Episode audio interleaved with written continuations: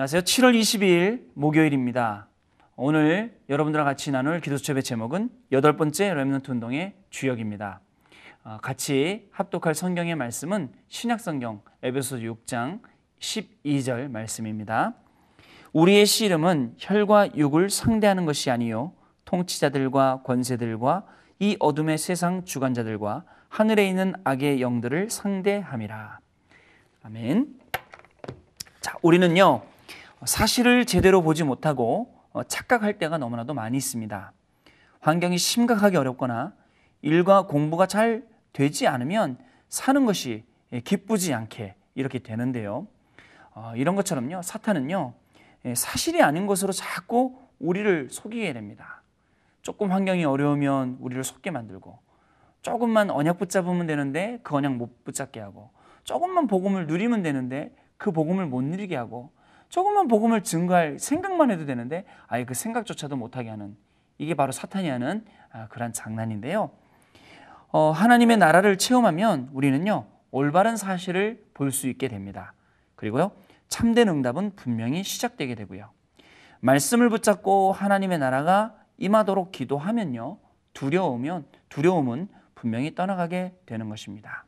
성령께서 우리와 함께 하시기에 우리는 전혀 두려워할 이유가 없습니다. 그렇습니다. 여태까지 막 두려워하던 것들, 우리가 무서워하던 것들, 또 겁냈던 것들, 또 이런 것들은요, 전부 다 사탄이 속였던 것들입니다. 우리가 눈을 정확하게 뜨고 사실을 보면 정말 랩런트가 가는 모든 현장이 이미 하나님의 나라가 임해 있고 하나님의 보장이 임해 있고 하나님의 축복이 그 현장에 와 있음을 분명히 알게 되는 것입니다. 자, 첫 번째로 틈을 노리는 사탄인데요. 어, 사탄은요, 우리를 절대로 이길 수 없다는 것을 알기 때문에 틈을 이용해서 파고 드는 것입니다. 이 사탄의 주특기가 틈을 파고 삐짓고 들어오는 것입니다. 가정에서 원망하고 분쟁할 때 그 틈을 이용을 합니다. 그리고 교회가 분열할 때를 이용하고 세상의 문화와 음악을 이용하고요. 예술을 통해서 파고들기도 합니다. 사탄이 파고 들어갈 수 있는 많은 틈들이 있는데요. 우리는 분명히 이것을 알고요. 여러분들의 가정을 살릴 수 있는 그 Remnant로 또 교회를 살리는 Remnant로 여러 문화와 또 예술 분야를 살릴 수 있는 Remnant로 여러분들 분명히 서야 할 것입니다. 사탄이 어떻게 방해를 하고 어떻게 속이는지를 정확히 분별할 수 있어서 여러분의 가정에 우리 Remnant 때문에 하나님의 나라가 임하고 여러분 교회에 정말 하나님이시는 참된 복음이 계속 증거되고 또 문화, 예술, 모든 정치, 사회, 경제 분야 에 우리 Remnant 여러분 때문에 하나님의 나라가 임하게 되는 귀한 축복을 지금부터 하나씩 하나씩 누리면서 우리 랩런트들이 기성세대가 되어서 이 많은 응답들을 사실적으로 누리고 또 이 응답들을 우리 후대들에게 전달하고 또 우리 후대들이 이 속에서 자라고 이렇게 계속되는 이 귀한 꿈을 귀한 그림을 저는 이렇게 항상 매일 그려보게 되는데요. 이러한 어, 귀한 축복이 정말 우리 렘넌트들에게 분명히 있어서 사탄이 틈을 타서 공격하는 것을 분명히 볼 수 있는 눈을 가지고 오늘도 모든 분야에 승리하고 하나님의 나라가 임하게 되는 귀한 축복이 시작될 줄로 믿습니다. 두 번째로 복음을 두려워하는 사탄입니다.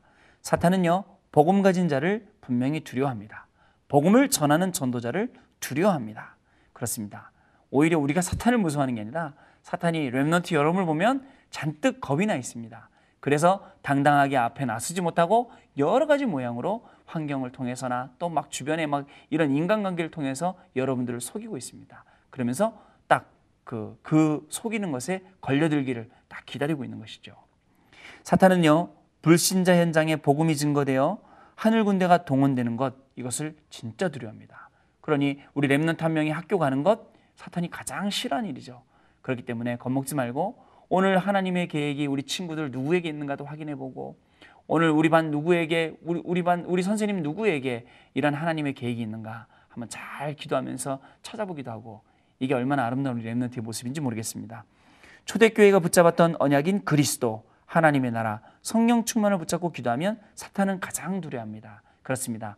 사도행전 1장 1절부터 8절까지 말씀을 우리 랩런트들이 딱 붙잡고 기도하면 분명히 예수가 그리스도라는 사실이 정말 여러분들 통해서 증거가 되고 여러분들이 가는 걸음마다 하나님의 나라가 임하게 되고 하나님께서는 여러분들에게 성령 충만함을 분명히 부어주시게 되는 것입니다.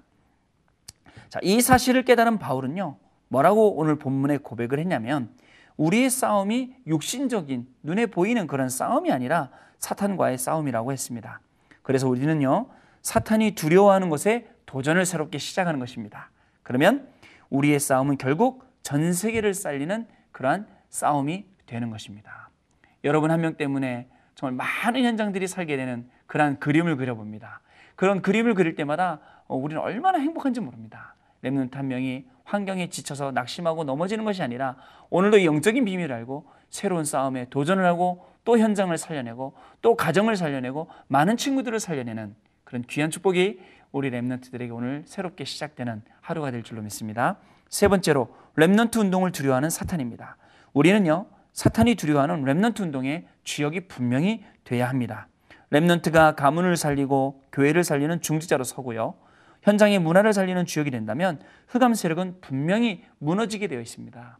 이렇게 우리 오늘 기도 수첩으로 말씀을 묵상하고 오늘의 말씀, 기도, 전도를 찾는 Remnant 한 명은 사탄이 가장 두려워하는 존재입니다. 그렇기 때문에 오늘 여러분 한명한 명은 너무나도 중요한 존재, 소중한 존재라는 것을 절대로 잊지 말게 되기를 바라고요.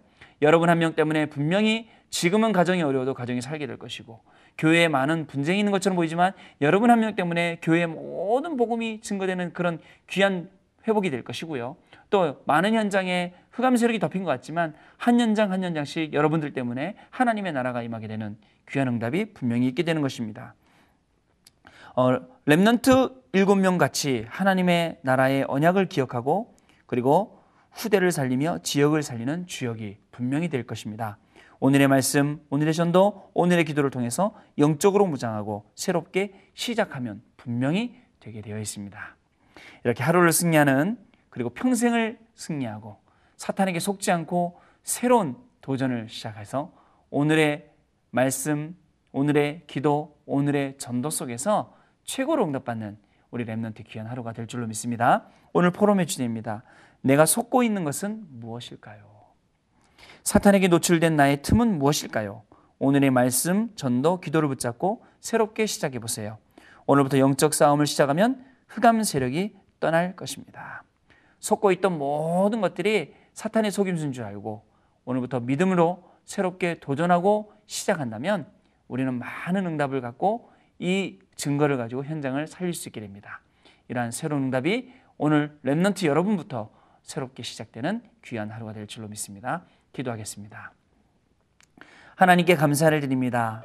우리 Remnant들을 여덟 번째 Remnant 운동의 주역으로 세워주시니 감사를 드립니다. 여태까지 속았던 모든 것들 전부 다 사탄의 속임수임을 알게 하시고 오늘 또 하나님이 주시는 새로운 말씀으로 하나님이 주시는 새로운 힘으로 승리하게 하시니 정말 감사를 드립니다. 오늘 하나님이 주시는 이 성령 충만함을 가지고 예수가 그리스도시라는 중요한 내용을 가지고 오늘도 가는 곳마다 하나님의 나라가 이루어지는 것을 보게 하시고 가는 곳마다 많은 생명들이 사는 것에 증인되어지는 귀한 삶이 시작되어지는 우리 렘넌트 하루가 되도록 주께서 성령으로 역사하여 주옵소서 우리 주 예수 그리스도 이름으로 기도드립니다. 아멘.